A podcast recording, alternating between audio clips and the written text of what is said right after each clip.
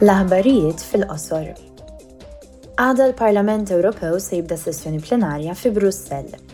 F'dibattitu mal-Presidenti Charles Michel u Ursula von der Leyen, il-membri parlamentari Ewropej se jivvalutaw ir-riżultati tal-laqgħa tal-Kunsill Ewropew f'Ottubru.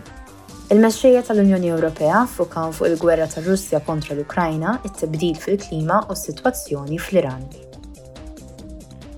Il-kriżi tal-enerġija tinsab fuq l-aġenda wkoll.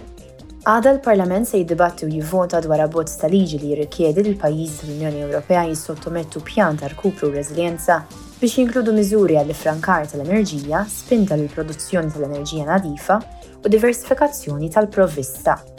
Dawn il-miżuri kollha huma previsti fil-pjan tar-REPowerEU. L-għan huwa li tkun assigurata indipendenza mill-fjuwils fossili Russi u tkun aċċelerata t-tranżizzjoni ekoloġika tal-Unjoni Ewropea.